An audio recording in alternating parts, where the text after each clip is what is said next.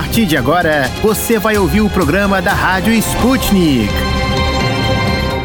Olá, queridos ouvintes. Meu nome é Ana Liv Esteves e eu tô aqui com o meu colega Pablo Rodrigues para comandar mais um programa da Rádio Sputnik diretamente de Moscou. Saudações, queridos ouvintes! É um prazer contar com a sua audiência nessa sexta-feira, 17 de dezembro. A sexta começa com a repercussão da nova pesquisa Datafolha de intenção de votos para as eleições presidenciais de 2022 no Brasil. Os dados divulgados pela Folha de São Paulo revelam que o ex-presidente Luiz Inácio Lula da Silva venceria as eleições no segundo turno em todos os cenários possíveis. Em um eventual segundo turno contra o presidente Jair Bolsonaro, o Lula venceria com uma vantagem de 29 pontos percentuais, 4 pontos a mais do que na pesquisa Datafolha anterior. Contra o ex-juiz Sérgio Moro, algoz de Lula em 2018, o ex-presidente venceria com uma vantagem de 26 pontos percentuais. Já contra Ciro Gomes, que seria o candidato com mais afinidade ideológica com o ex-presidente, o Lula venceria por 30 pontos, o que consolida sua posição como candidato à esquerda com mais perspectivas de ocupar o Palácio do Planalto.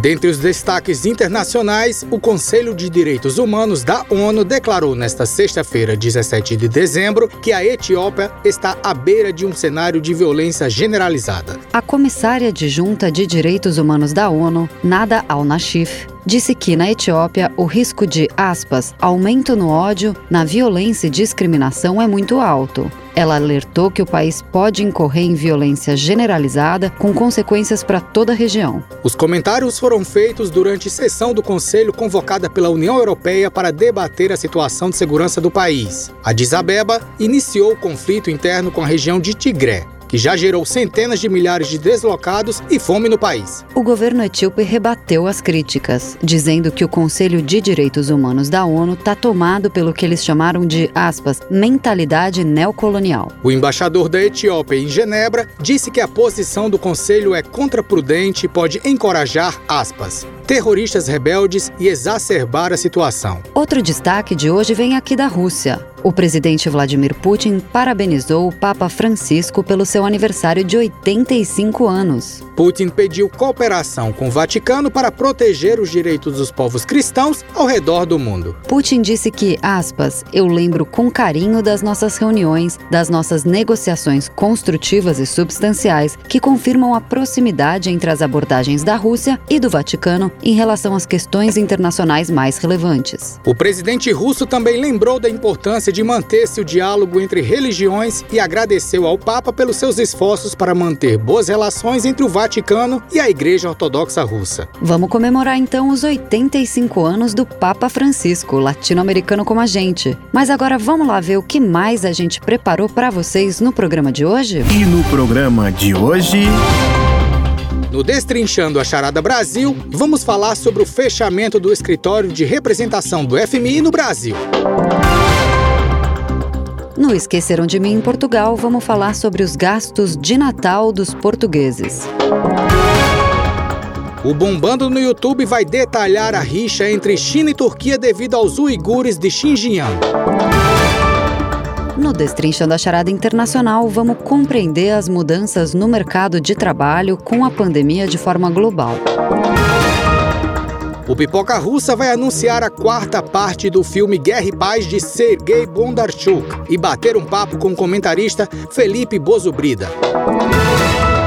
E o Deu Russo, que é o nosso quadro de histórias bizarras da Rússia, vai contar como um avião e um caminhão-pipa podem se envolver em um acidente em Moscou. Destrinchando a charada. De dentro e fora do Brasil.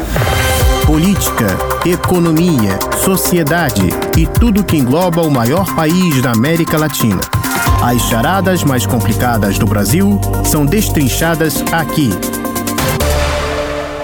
Olá, ouvintes! No Destrinchando a Charada Brasil, vamos repercutir o fechamento do escritório do Fundo Monetário Internacional no país. Mais uma polêmica decisão do ministro da Economia, o Paulo Guedes, que está repercutindo no mercado e junto à diplomacia brasileira. Em um comunicado emitido nesta quinta-feira, o FMI anunciou que vai fechar o seu escritório de representação, que funcionava como uma espécie de embaixada da instituição no Brasil. A decisão acontece depois do Ministério da Economia ter informado ao fundo que não será mais necessário manter o escritório em Brasília, porque a representação, segundo a pasta, estava obsoleta. Na véspera do anúncio do FMI, a instituição foi mais uma vez alvo do ministro Paulo Guedes. Durante um encontro com empresários no Fórum Moderniza Brasil, Guedes criticou as previsões da instituição. Na ocasião, Guedes aproveitou ainda para criticar o ex-presidente do Banco Central, Ilan Goldfein, que agora está assumindo como diretor do FMI para o hemisfério ocidental. Vamos ouvir? O Brasil caiu menos do que o esperado, menos da metade do que foi estimado, voltou mais rápido, está em pé, está com PIB maior do que estava quando a pandemia chegou, o desemprego está em 12,6, estava em 12,4 quando chegou. Então a verdade é que nós tivemos um desempenho que surpreendeu o mundo. Achavam que o Brasil não, primeiro ia cair 10%, caiu 4%, depois ia ficar em recessão, voltou em V e voltou com um crescimento forte. E agora a desgraça foi rolada para o ano que vem. O ano que vem é que vai ser uma desgraça. As previsões todas anteriores estavam erradas. Nós estamos até dizer até com muita delicadeza que nós estamos até dispensando a missão do FMI. Eles estão aqui já há bastante tempo, vieram há muito tempo atrás aqui para o Brasil, porque tinham que fazer aqui, né? vivia sempre em desequilíbrio, e nós estamos até dispensando, dizendo, olha, pode voltar. Estamos, eu assinei agora, uma semana atrás, estão dispensados. Pode passear lá fora. Vieram aqui para prever uma queda de 9,7 e que a Inglaterra recai 4. Nós caímos 4, a Inglaterra caiu 9,7. Eu estou achando melhor fazer previsão em outro lugar. Particularmente, tem um brasileiro, amigo nosso, até se ofereceu para ficar como presidente do Banco Central independente logo no início. Eu falei: ó, só tem bônus se tiver o ônus. Se ficar conosco dois anos, a gente considera. Se for para ficar um mês ou dois meses e, e ir embora, não precisa não. É o Ilan. Um ótimo brasileiro, boa pessoa, tudo isso. Ontem criticou a gente pesado, então eu estou devolvendo hoje, já que vamos ter um brasileiro, já que vamos ter um brasileiro que conhece bastante bastante o Brasil e critica bem a gente no FMI, não precisamos ter mais aqui dentro. Deixa a turma lá fora, fala mal da gente lá fora, em vez de falar aqui dentro também. Com a decisão, na prática, o governo deixará de reconhecer o escritório do FMI no Brasil a partir de 30 de junho, quando o atual representante deverá ser substituído. Segundo nota divulgada pelo Ministério da Economia, o fundo mantém escritório apenas em países com os quais tem programa ativo, o que tornaria obsoleta a manutenção de uma representação no Brasil.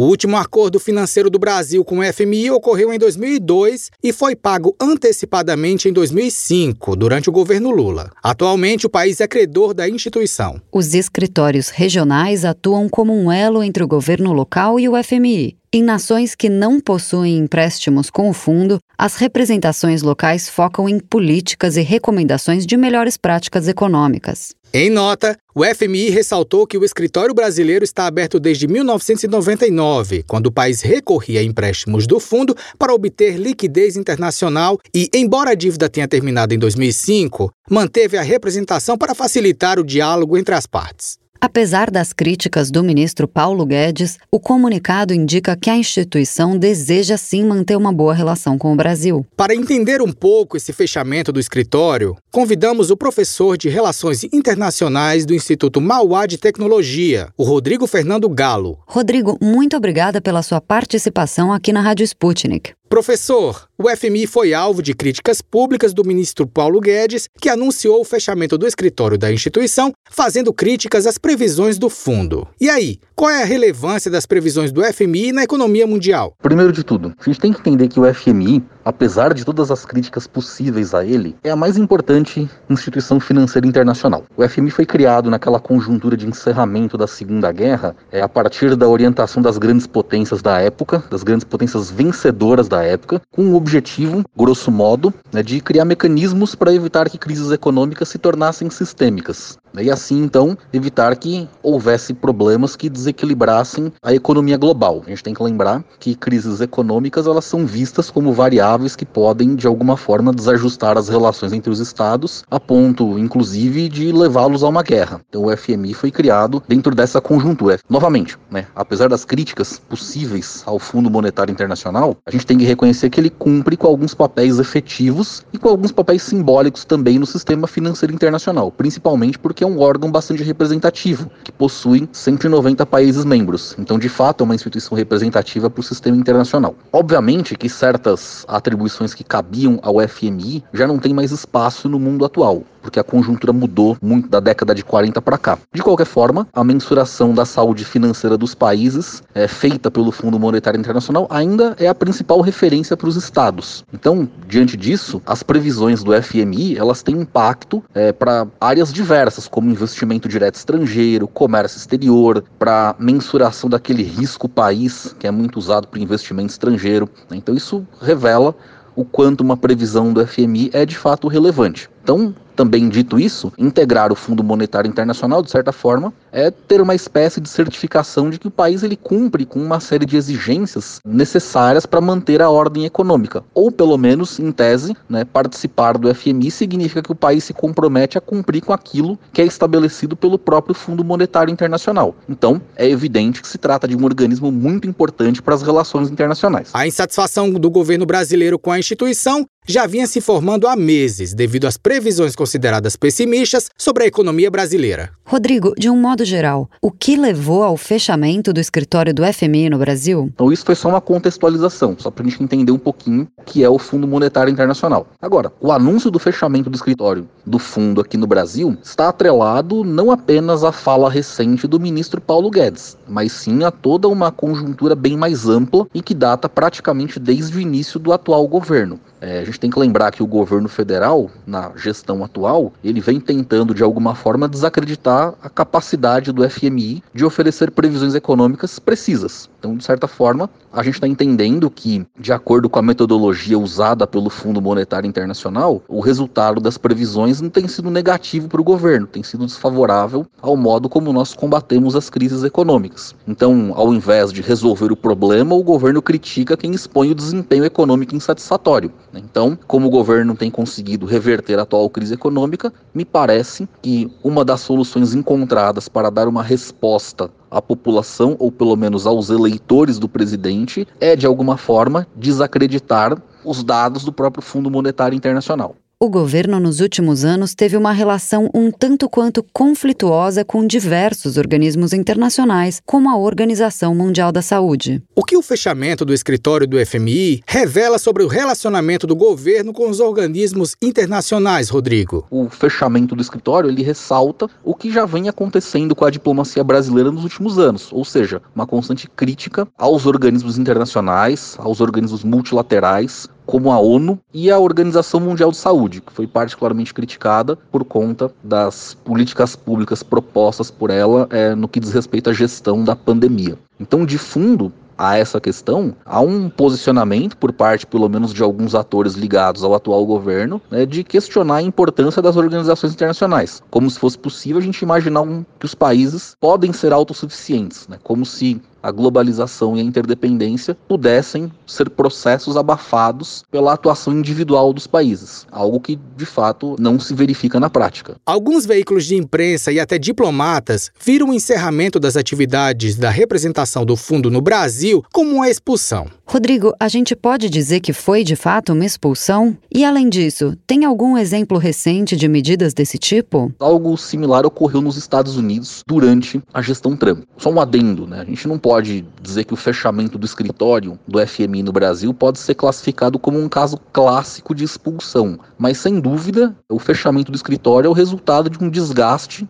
né, entre o governo brasileiro e o FMI, que pode ter reflexos para as relações econômicas do Brasil com outros países. Como esse fechamento repercute junto à comunidade internacional, Rodrigo? Em alguma medida, essa pode ser uma sinalização de que o Brasil está descontente com os critérios de mensuração da saúde econômica do país feito pelo FMI e que, eventualmente, o Brasil poderia começar a operar a sua economia de uma outra forma. Então, isso é uma sinalização ruim que nós mandaríamos para o sistema internacional. E caso isso de fato seja uma visão que se concretize fora do Brasil, isso pode afetar pode impactar as relações exteriores do Brasil sem nenhuma dúvida. O Brasil já saiu da condição de devedor do FMI e se tornou credor do fundo, algo que foi bem comemorado na época. A forma como o fechamento do escritório do fundo foi feita traz uma sinalização ruim para a imagem do Brasil no cenário econômico internacional? O FMI também serviu como, digamos assim, a cabeça de lança da projeção do neoliberalismo no hemisfério sul, na década de 90, naquela conjuntura pós-consenso de Washington e pós-Guerra Fria. Uma das funções do FMI nesse contexto é liberar empréstimos para países que precisam de recursos para se desenvolver. Sendo assim, eu acho que é válida a gente fazer a crítica de que os efeitos desses empréstimos foram o endividamento da maior parte desses países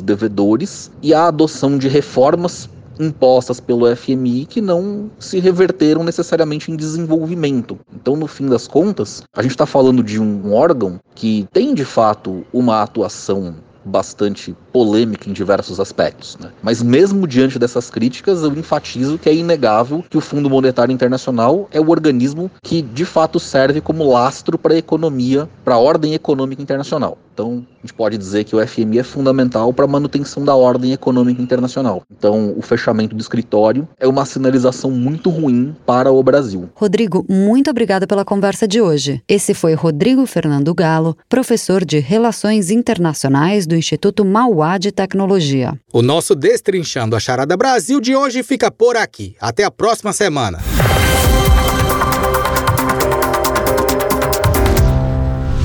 Esqueceram de mim em Portugal. Senhoras e senhores passageiros, apertem os cintos de segurança porque estamos prestes a decolar rumo a Portugal. A tripulação Sputnik Brasil deseja a todos uma ótima viagem. Prezados ouvintes, a Luísa Ramos ontem estava de folga, mas hoje ela está aqui conosco e vai contar tudo sobre o Natal português. Tudo não, pois no nosso programa especial de Natal ela vai trazer muito mais conteúdo. Pra já, ela conta sobre os gastos dos portugueses nesses dias antes das comemorações de Natal. Oi, Luísa. Olá, Pablo. Olá, Ana. E um olá aos ouvintes da Rádio Sputnik. Bom, pessoal, parece que os portugueses estão gastando mais do que o esperado nas compras de dezembro. Um estudo divulgado mês passado pela Escola Superior de Tecnologia e Gestão de Oliveira, do Hospital do Instituto Politécnico de Coimbra, revelou que os portugueses pretendiam, então, gastar em média 212 euros em compras de Natal este ano. Mas, pelo visto, já tiraram tiraram o escorpião do bolso, pois, segundo dados da Cibs Analytics mais recentes, divulgados esta sexta-feira, dia 17, o valor das transações está 20,3% acima do ano passado e 8,8% do período das festas de 2019. Segundo a pesquisa, foram gastos 2,2 bilhões de euros, ou cerca de 14 bilhões de reais, em pagamentos eletrônicos só nos primeiros 12 dias deste mês de dezembro. Isso equivale, pessoal, a mais de 183 milhões de euros por dia, mais de um bilhão de reais. É, são cifras altíssimas para um Natal que deve reunir mais as famílias do que no ano passado, pois agora as pessoas estão, na sua maioria, vacinadas e, com isso, menos medo de ir ao encontro dos familiares, mesmo com o vírus da Covid-19 ainda entre nós. Ah, e uma curiosidade: ao se referirem a bilhões, os portugueses costumam falar mil milhões.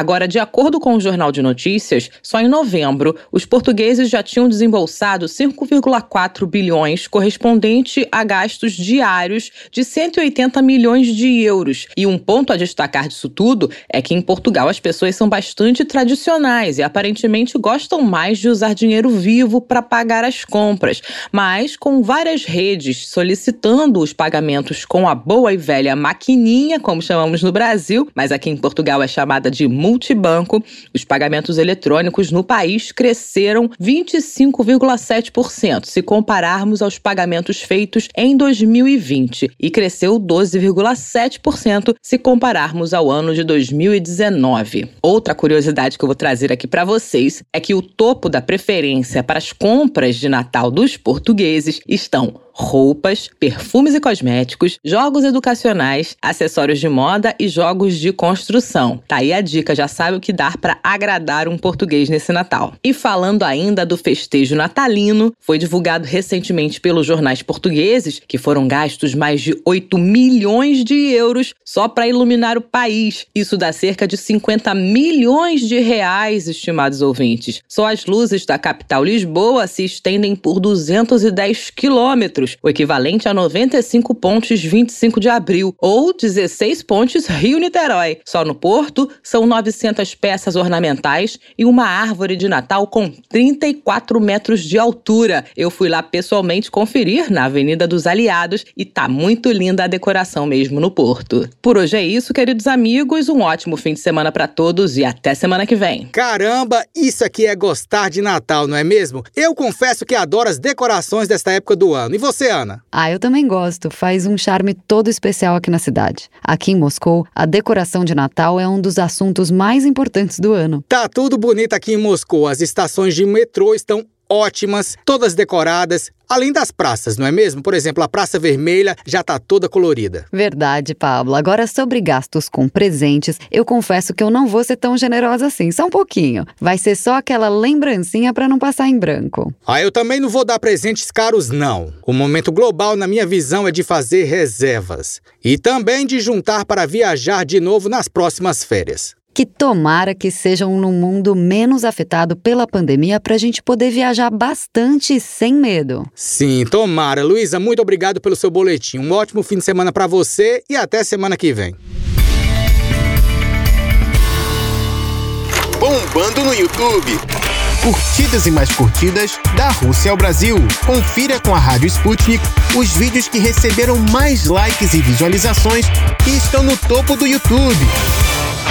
E fique por dentro do que está sendo filmado por amadores ou profissionais pelo mundo afora.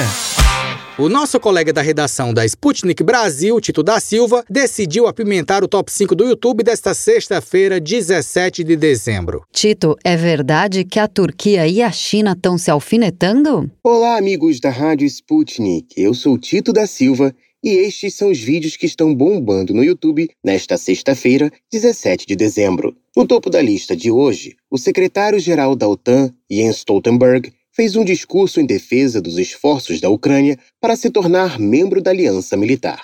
Nas suas palavras, Jens ainda ressaltou que, apesar dos apelos e objeções da Rússia à expansão da OTAN para o leste, a aliança cresce. A fala de Stoltenberg foi feita logo após o pouso na Romênia de um grupo de caças F-15 dos Estados Unidos que operarão no Mar Negro em conformidade com a política de contenção da Rússia conduzida pela OTAN. Os eventos se dão no contexto das fortes tensões entre a Rússia e o Ocidente em torno da Ucrânia, enquanto os Estados Unidos acusam a Rússia de possuir planos de invadir o país vizinho. Moscou nega as acusações e diz que a OTAN tem se expandido e ameaçado sua segurança. Para assistir ao vídeo, é só digitar. OTAN defende sua expansão e Estados Unidos enviam caças F-15 para perto da Rússia. E no segundo vídeo de hoje, as relações entre China e Turquia voltam a apresentar tensões.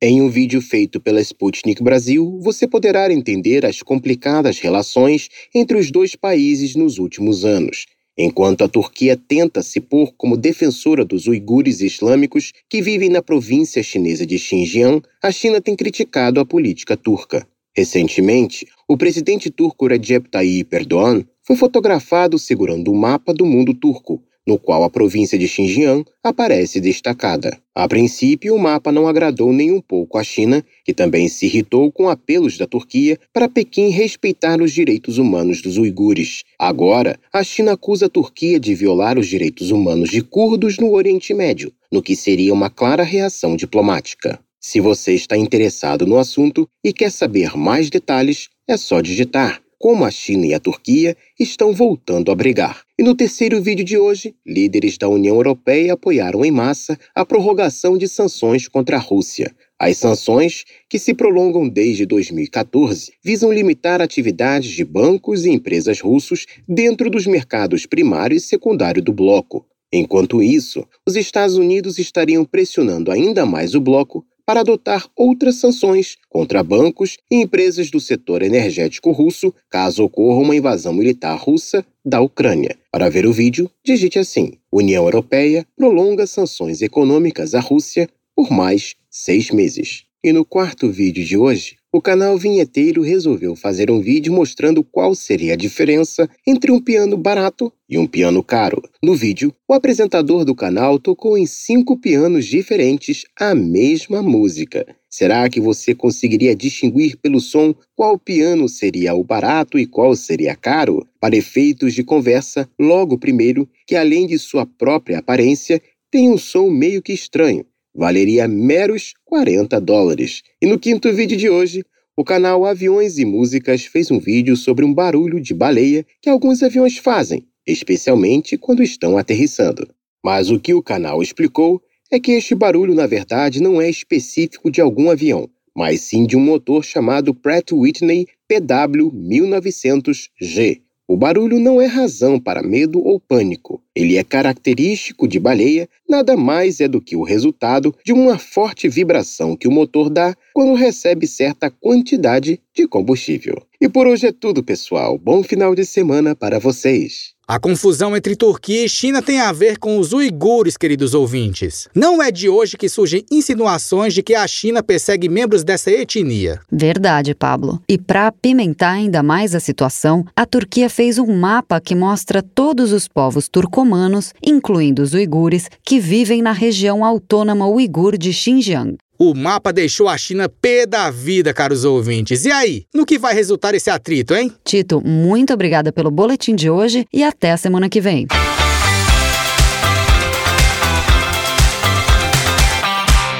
Destrinchando a charada. Encruzilhada Internacional.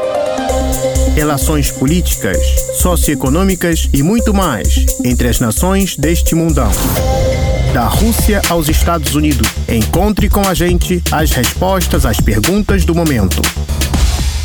Estimados ouvintes, no Destrinchando a Charada Internacional desta sexta-feira, 17 de dezembro, vamos falar sobre o mercado de trabalho e as mudanças por conta da pandemia no cenário internacional. Segundo uma reportagem da BBC Brasil, a expectativa de onda global de pedidos de demissão a partir de um movimento inicialmente observado nos Estados Unidos não se cumpre em outros mercados internacionais. É bem verdade que a pandemia modificou várias relações de trabalho. A internet como ferramenta muitas vezes principal para atrair clientes, o uso do home office e flexibilizações do trabalho são uma realidade atual. Mas será que é modismo por conta do momento em que a gente vive? Ou tudo mudou de vez? Bom, nos Estados Unidos, os pedidos de demissão voluntários de empregos dificultou a vida dos empregadores. Os mais esgotados são os profissionais de saúde, por exemplo. Mas por lá, as ondas de demissão também atingiram os professores que criticaram o regresso às aulas presenciais. Depois, o fenômeno se espalhou para outros setores, como serviços e turismo. Muitas pessoas perceberam outros mercados, outras possibilidades. Já outras mudaram mesmo de profissão ao longo do do tempo pandêmico e o fenômeno que era esperado globalmente não se firmou. A Europa, por exemplo, vê um caminho diferente. Para a gente conversar sobre esse assunto hoje, a gente vai trazer aqui duas visões. Uma do Walter Franco, professor de Economia Política Internacional no IBMEC de São Paulo. E outra da Renata Livramento, psicóloga especialista em desenvolvimento humano, doutora em administração e fundadora do Instituto Brasileiro de Psicologia Positiva. Sejam muito bem-vindos aqui no programa da Rádio Sputnik Walter Franco e Renata Livramento. Bom, vamos começar conversando com o professor Walter. Professor Walter, a partir dos números de demissões na Europa em comparação aos Estados Unidos, o que podemos analisar sobre o comportamento dos empregadores e empresas? Quando comparamos as demissões na Europa com as demissões nos Estados Unidos, a primeira coisa que a gente precisa fazer é compreender não é, as características do emprego na Europa vis-à-vis o emprego nos Estados Unidos. A pandemia afetou severamente o setor de serviços, principalmente na Europa. E mais ainda nas economias europeias dependentes, por exemplo, de turismo, de comércio e de serviços, por exemplo, de educação, ou mesmo serviços em alguns aspectos menos especializados. Então a pandemia foi muito severa com as economias, por exemplo, da Europa, mais dependentes de turismo, na Península Ibérica, na Itália, França em alguns aspectos, né, Portugal e Espanha agora a Grécia. Agora, as economias da Europa mais dinâmicas, aonde o serviço é mais especializado, setor bancário, comercial, como uma Alemanha, uma Holanda, para citar apenas dois exemplos, a pandemia foi menos severa para essas questões do emprego desses setores específicos. Enquanto que, comparativamente à sociedade americana, a economia americana é uma economia mais dinâmica, mais capaz de se recuperar com mais velocidade e mais dinamismo. Seu tamanho, a sua diversificação, o seu setor de serviços mais especializados. Na realidade, o setor de serviços na América, ele não é apenas mais especializado, mas ele é mais diversificado. Você tem tanto o serviço menos especializado que sofre com lockdowns e outras paralisações da economia, mas você também tem serviços muito sofisticados e que, portanto, se adequam, se preparam se, e conseguiram, a partir do uso tecnológico, passar por cima da problemática da pandemia com mais facilidade do que a Europa. É um setor menos regulamentado, menos regulado. O setor do emprego na Europa é muito mais regulado do que na América. Então, isso deixa para os formuladores de política econômica na Europa uma dificuldade extra, ou seja, eu preciso modernizar as minhas relações do trabalho daqui para frente, não vou dizer novas pandemias, mas que novas situações como estas sejam trabalhadas e sejam resolvidas com mais agilidade e mais presteza. Dados mostram que o índice de emprego caiu na zona do euro de 73,4% para 71,6% no ano dos lockdowns. Ou seja, menos de dois pontos percentuais de queda de 2020 a 2021. Enquanto nos Estados Unidos a queda foi maior. Em apenas três meses foi de 63,3% em fevereiro de 2020 para 60,2% em abril do mesmo ano. Agora, professor, como anda a movimentação do mercado de trabalho em meio à pandemia no Brasil? Segue mais a linha do mercado europeu ou norte-americano? Nós temos um pouco dos dois. A economia brasileira tem, com relação à economia europeia, um pouco na questão trabalhista, na questão dos benefícios, na questão do engessamento do emprego no Brasil, é mais gritante e mais difícil. Por isso que aqui no Brasil a demissão é cara, a contratação também é cara e o treinamento também é caro. E a Europa passa um pouco por isso também. Então, nesse sentido, eu diria que há uma semelhança maior do caso brasileiro com o caso europeu, nesta questão específica do engessamento e da característica do emprego. Agora, a economia brasileira como um todo, ela é mais semelhante à economia americana do que a economia europeia individualmente pensando. Então, a pandemia, ela teve nas economias brasileira e americana, por exemplo, ela teve semelhanças na capacidade de recuperação mais rápida, uma capacidade de adaptação à realidade da pandemia mais rápida, que uma economia europeia mais fechada, mais individualizada, de você criar alternativas, uma economia do tamanho da brasileira territorial, em termos de mão de obra, de número de pessoas, o Brasil se adapta melhor. A problemática brasileira está na formação dessa mão de obra, na renda. A problemática brasileira é mais não na garantia do emprego através de leis, mas efetivamente de que um rompimento do trabalho, e a pandemia teve esse efeito, ela leva as pessoas à pobreza. Isso não acontece necessariamente na Europa, que são economias mais ricas, com mais benefícios, com estado do bem-estar social em alguns aspectos, que permitem uma sustentação maior. As economias brasileira e americana é diferente, né? O desemprego leva muitas vezes a uma carência, a uma pobreza e uma redução do poder de compra imediato das famílias, não é? por serem economias que protegem menos em alguns aspectos. Né? Eu acho que seria isso a principal diferença que nós deveríamos destacar. Walter, na sua opinião, o home office tem uma influência positiva ou negativa para as relações trabalhistas? E outra coisa, Walter,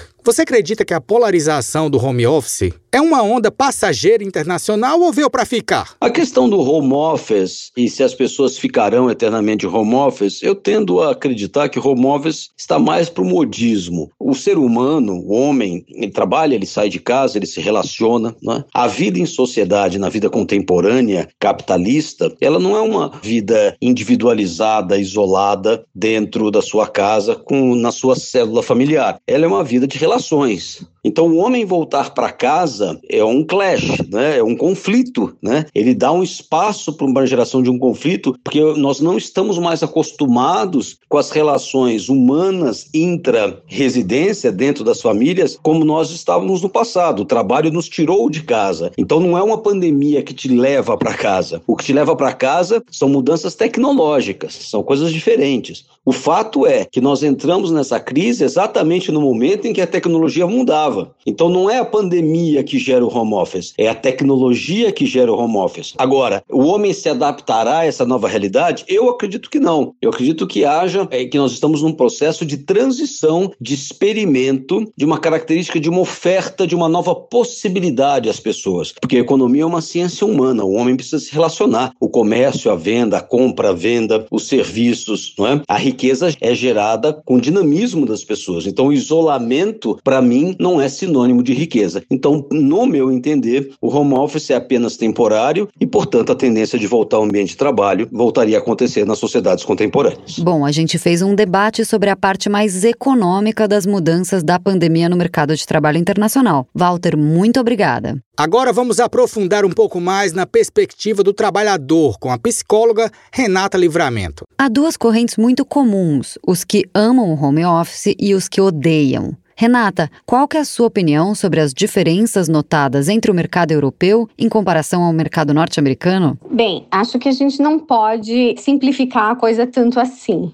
aos que amam e aos que odeiam home office. Para simplificar a nossa vida aqui, a gente possa falar assim, mas na prática é bem mais complexo do que isso. São muitos os fatores que podem contribuir para que uma pessoa goste do home office ou não. Dentre esses vários fatores, a gente poderia considerar a cultura como um deles. Nós somos seres sociais. E aí a gente pode pensar que, por exemplo, no mercado norte-americano, o home office é algo mais comum. O home office é algo inventado, entre aspas, aí, né? Pelas grandes empresas de tecnologia, é algo muito trivial já em alguns mercados norte-americanos. É uma cultura que absorve isso com mais naturalidade e talvez até a gente possa dizer que estimule um pouco isso principalmente para os jovens. Outro fator que a gente precisaria considerar aí é também o fator geracional. É mais natural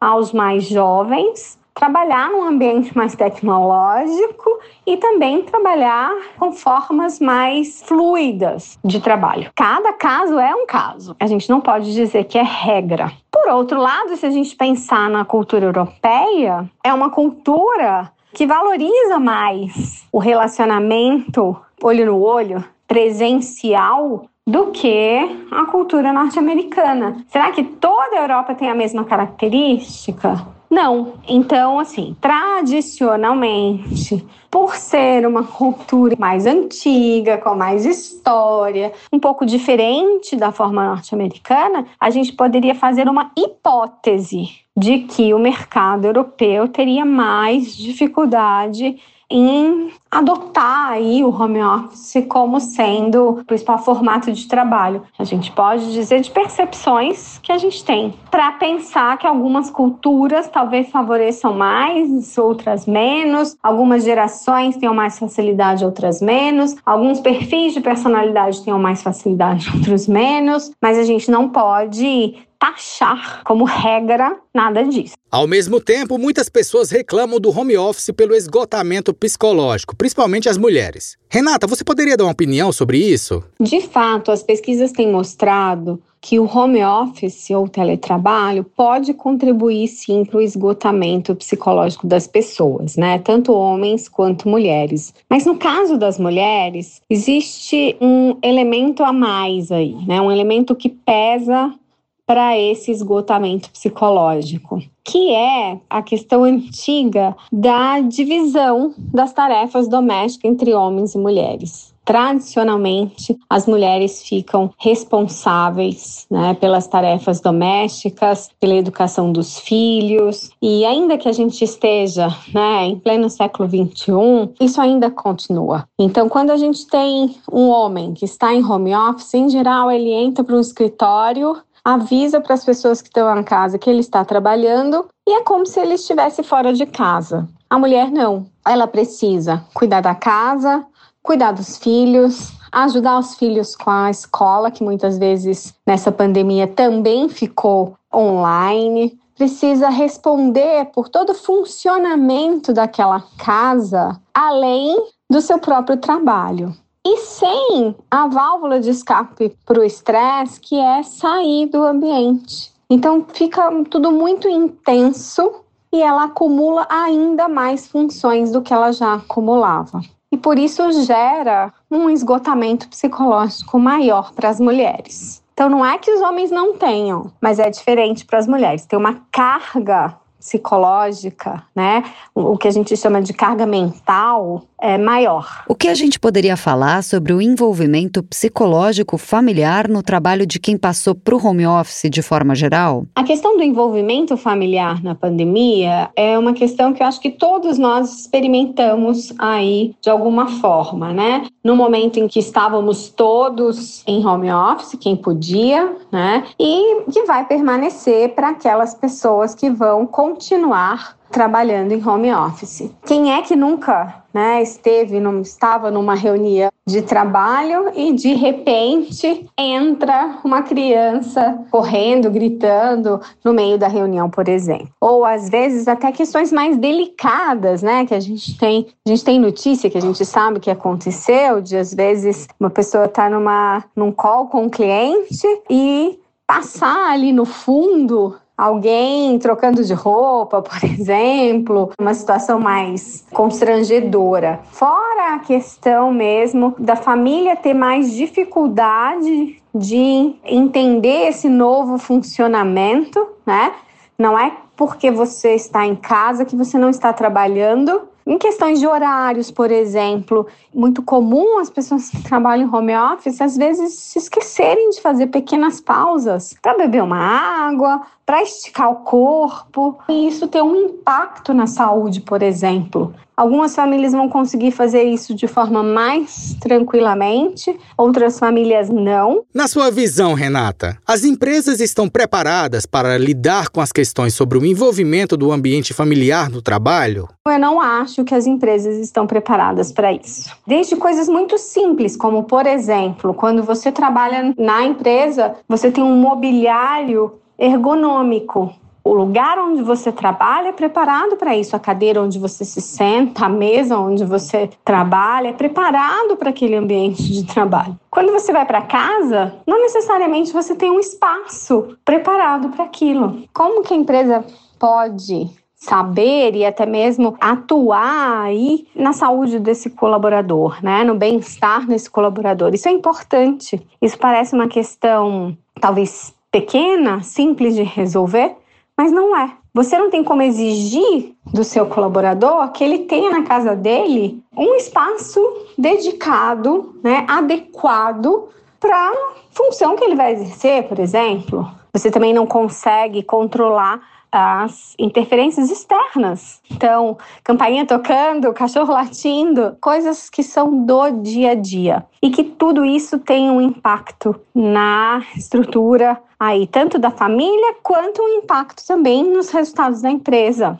Como eu falei, algumas pessoas gostam, se adaptam bem, funcionam bem dessa forma, conseguem fazer essa adaptação de uma forma mais tranquila, e tem menos impactos psicológicos e de saúde mental. Outras vão ter mais dificuldade, vão ter mais problemas e vão ter um impacto maior. Renata, na sua visão, podemos dizer que o home office é melhor ou pior para a saúde mental das pessoas? Não, eu não acho que o home office é melhor ou pior para a saúde mental. Embora, né, algumas pesquisas estejam surgindo mostrando que há sim um impacto negativo frequente do home office na saúde mental. A questão é que a gente começou a adotar esse home office no mundo de uma forma mais maciça por conta de uma pandemia. Então fica difícil de você isolar essa variável, né? O que que é que está influenciando na saúde mental das pessoas? É a pandemia em si ou é o home office? Ou é tudo junto? Mas o que a gente percebe que algumas pesquisas uh, preliminares têm mostrado que varia muito, varia bastante da personalidade da pessoa, do estilo de vida da pessoa, né? Então, pessoas que, por exemplo, moram sozinhas ou casais sem filhos têm um impacto menor do que pessoas que têm filhos, porque esse ajuste para o trabalho do home office é mais difícil. Por outro lado, essas pessoas que moram sozinhas e elas tendem a ficar mais sozinhas. Então, isso também pode ser que para algumas pessoas tenha um peso que contribua aí para um quadro mais depressivo, por exemplo, e para outras não. São muitos fatores que podem interferir né, nessa saúde mental. Uh, o volume de trabalho em si, eu acho que é algo que realmente tem contribuído muito para o esgotamento das pessoas. A gente tem trabalhado mais quando está em casa do que menos. É como se a gente estivesse o tempo inteiro vivendo no trabalho porque o trabalho está dentro da sua casa. E isso pode ser bastante prejudicial para a saúde mental das pessoas. A resposta para essa pergunta é melhor ou pior? Nem melhor nem pior. Tudo depende, depende do indivíduo, depende do trabalho, depende das condições, depende da situação dele, depende da cultura da organização onde ele está inserido, depende da relação dele com as lideranças, depende de uma série de fatores. No mundo ideal, seria a gente poder escolher, né? Como a gente gostaria de trabalhar, ou até mesmo fazer uma escolha híbrida. Acho que a gente ainda vai ter que viver isso mais um tempo, é, esperar também a pandemia de fato terminar, para a gente ver o home office fora de um contexto pandêmico porque a gente hoje tem essa dificuldade, né? Quanto do estresse que a gente está vivendo vem da pandemia, quanto que vem do home office especificamente. Renata, muito obrigado pela participação aqui na Rádio Sputnik. Esta foi Renata Livramento, psicóloga especialista em desenvolvimento humano, doutora em administração e fundadora do Instituto Brasileiro de Psicologia Positiva. E antes, aprofundamos os fatores econômicos da questão internacional do home office, principalmente entre Estados Unidos, Europa e Brasil, com Walter Franco, professor de Economia Política Internacional no IBMEC de São Paulo. Para ler essa reportagem e ambas as entrevistas na íntegra, você pode acessar o nosso site, ouvinte br.sputniknews.com. Esperamos a sua interação por lá. Mistura do Brasil com Moscou. A mistura agora é com a Rússia e a coreografia já está pronta. Com os gingados russos e brasileiros, as relações estão em sintonia entre estes dois gigantes. Pipoca russa. Uma pausa em filme hollywoodiano. A próxima parada te leva ao cinema soviético e russo sem nem precisar sair de casa. Detalhe: é tudo legendado em português. Suba aí! Em parceria com o CPC Umes Filmes, a Rádio Sputnik tem o prazer de anunciar a quarta parte do premiadíssimo filme soviético Guerra e Paz, de Sergei Bondarchuk. Chegamos ao final da série de quatro filmes sobre este clássico literário de Lev Tolstói, caros ouvintes. Lembrando que as outras partes foram analisadas nas semanas passadas, e quem quiser conferir as entrevistas com comentaristas de peso, é só dar uma conferida nos programas anteriores das sextas-feiras. Sempre convidamos os melhores comentaristas, então desta Desta vez não seria diferente, caros ouvintes. Vamos falar com Felipe Bozubrida, que leciona no SENAC, na FATEC e no IMES de Catanduva, no interior de São Paulo. Felipe, é um prazer te ter de novo aqui na Rádio Sputnik. Você poderia contar um pouco para os nossos ouvintes sobre a quarta parte de Guerra e Paz e em qual personagem ela é centrada? Olá, Pablo. Olá, os ouvintes da Rádio Sputnik. Nós vamos falar aqui hoje sobre a quarta e última parte de Guerra e Paz, a produção monumental soviética do Sergei Bondarchuk, feita entre 1965 e 67, um dos grandes filmes do cinema, filme premiadíssimo, um filme inspirador. E esta quarta parte, liberado pela CPC Umis Filmes, envolve o Pierre Bezukov, que é um personagem central da trama né, do Lev Tolstói, do livro dele, escrito no final do século XIX. E esse é um personagem que percorre vários momentos do livro e ele tem ali uma solidificação nessa quarta parte. Ele é o favorito de vários filhos do nobre Kirill Bezukov, que é um dos homens mais ricos do Império Russo, e a trama vai se centrar nele e o envolvimento dele com outros personagens, como a Natasha Rostova e o Andrei Bolkonsky. Professor, quem foi Sergei Bondarchuk e quais filmes dele você recomenda para os nossos ouvintes que nunca assistiram a uma obra desse diretor soviético? O Sergei Bondarchuk é um diretor soviético que fez muitos filmes nos anos 50, 60. Ele fez, por exemplo, um dos grandes filmes do cinema que é O Destino de um Homem, de 59. Ele fez um outro épico que é o Boris Godunov, de 86. Eles lutaram pela pátria que é um filme também de guerra, de 75. Todos esses filmes já foram lançados em DVD pela CPC Umes Filmes e alguns deles já foram exibidos no canal é, do YouTube da CPC Umes. Então é um diretor um esteta da linguagem, ele sabe criar o ambiente de guerra. Quase todos os filmes dele trata de guerra, de conflito, da existência humana. Ele consegue trazer isso muito bem para a tela. Quem quiser conferir os filmes O Destino de um Homem, Boris Gadunov e Eles Lutaram pela Pátria, Basta entrar no site cpcumesfilmes.org.br, onde essas obras podem ser compradas. E olha, eu dei uma olhada e o preço está bem em conta. Ainda mais porque a legenda dessas obras é preparada exclusivamente para o CPC Umes Filmes. Felipe, me diz uma coisa. Por que o filme Guerra e Paz, de Sergei Bondarchuk, repercutiu tanto no mundo todo? Sobre o Guerra e Paz, por que, que ele repercutiu tanto no mundo? Acho que primeiro porque ele é um dos maiores filmes da história em termos de metragem. Ele tem 420 minutos. Ele foi uma produção que demorou muito para ser feita, foram três anos. Começou em 65, só finalizou em 67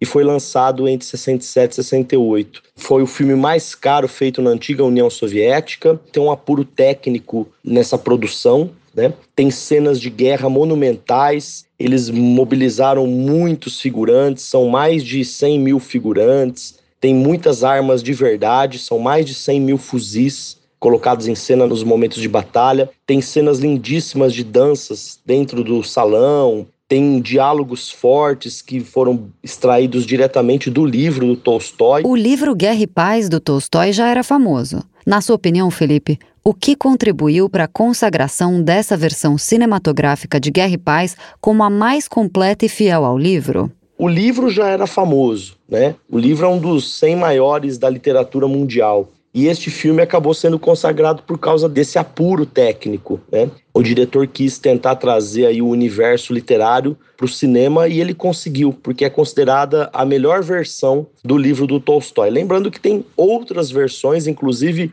a versão americana, com Audrey Hepburn, de 56, e o Mel Ferrer, mas já é uma versão mais romantizada, uma versão mais americana. Felipe, muito obrigado por bater um papo com a gente aqui da Rádio Sputnik. Antes de você ir embora, conte aí para os nossos ouvintes em que projetos você está inserido. Bom, Pablo, eu sou professor, né? Sou professor em três lugares na cidade onde eu moro, na cidade onde eu nasci e eu moro, que é Catanduva, interior de São Paulo. Eu sou professor no SENAC, na FATEC e no IMES Catanduva, que é uma faculdade. Eu desenvolvo muitos projetos de cinema, dentre eles um cineclube que eu mantenho aqui há 10 anos, que é uma parceria do SESC, do SENAC e da faculdade onde eu trabalho, o IMES. Todo mês a gente exibe um filme cultuado e faz o debate dele. Então, são alguns projetos que eu desenvolvo, além das aulas de cinema, aulas da área de semiótica, que é minha área de atuação também. Então, são esses os projetos. Eu gostaria de agradecer ao convite, fico honrado mais uma vez poder ajudar vocês. Quero desejar a todos um Feliz Natal, um Ano Novo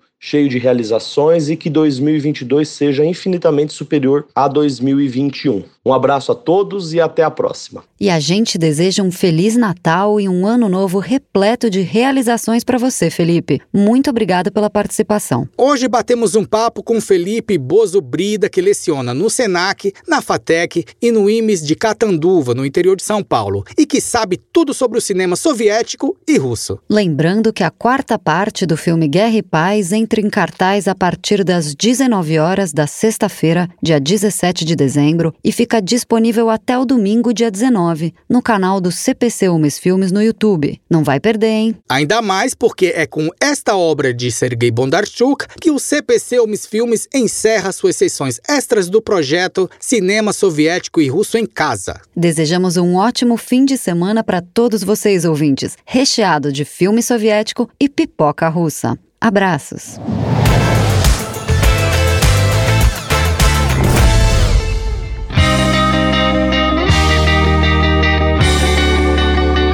Deu Russo. De notícias bizarras do Brasil já estamos mais que saciados. E as bizarrices que acontecem na Rússia, hein? É outro nível, rapaziada. Ih, deu russo! Moscou não é para os fracos, caros ouvintes, e é nesta cidade russa que acontecem os acidentes mais inesperados possíveis. Ouvintes, vocês podem até pensar, ah, lá vem história de acidente automobilístico. Mas não é nada disso, pessoal. O acidente de hoje envolve um avião e um caminhão-pipa. Em dia de pouca visibilidade por causa de uma névoa que estava cercando todos os aeroportos de Moscou, o piloto de um Airbus 350 da companhia aérea russa Aeroflot acabou fechando os olhos para o que estava acontecendo ao seu redor com todos os passageiros já nos seus assentos e planejando chegar logo logo em Cancún, no México, o grande avião esbarrou em um caminhão-pipa enquanto fazia uma manobra ainda na pista antes de decolar. O caminhão-pipa estava de boa jogando algo na pista quando sentiu o baque. O avião Airbus 350 acabou batendo no caminhão com a asa direita. E não foi só uma batidinha, não. Foi praticamente um abraço de elefante, porque bateu e fez o caminhão capotar capotou e ficou preso debaixo da asa do avião. A cena era como se o avião e o caminhão-pipa fossem amigos de longa data, estando o avião com o braço no ombro do caminhão. Imaginaram a cena, não é mesmo, ouvintes? Enquanto toda essa confusão acontecia do lado de fora, dentro da aeronave, os passageiros acompanhavam tudo através de uma câmera instalada na cauda do avião. Com certeza, esses passageiros que estavam com passagens compradas para Cancún não queriam mais nenhum estresse em Moscou e só sonhavam com as praias mexicanas. Mas o sonho dos moscovitas não demora muito, ouvintes. Por causa do acidente, todo mundo teve que sair da aeronave e voltar para fria Moscou. Se todos os passageiros e tripulantes saíram da confusão ilesos, quem dirigia o caminhão não pôde se gabar do privilégio de estar em um pássaro mecânico. O motorista do caminhão-pipa acabou ficando ferido. Nada muito grave, mas ficou ferido. Por causa do acidente entre um avião e um caminhão, Cancún nunca esteve tão longe de Moscou.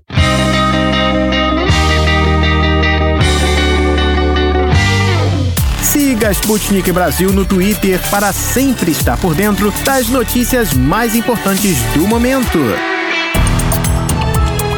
Hora de dar tchau.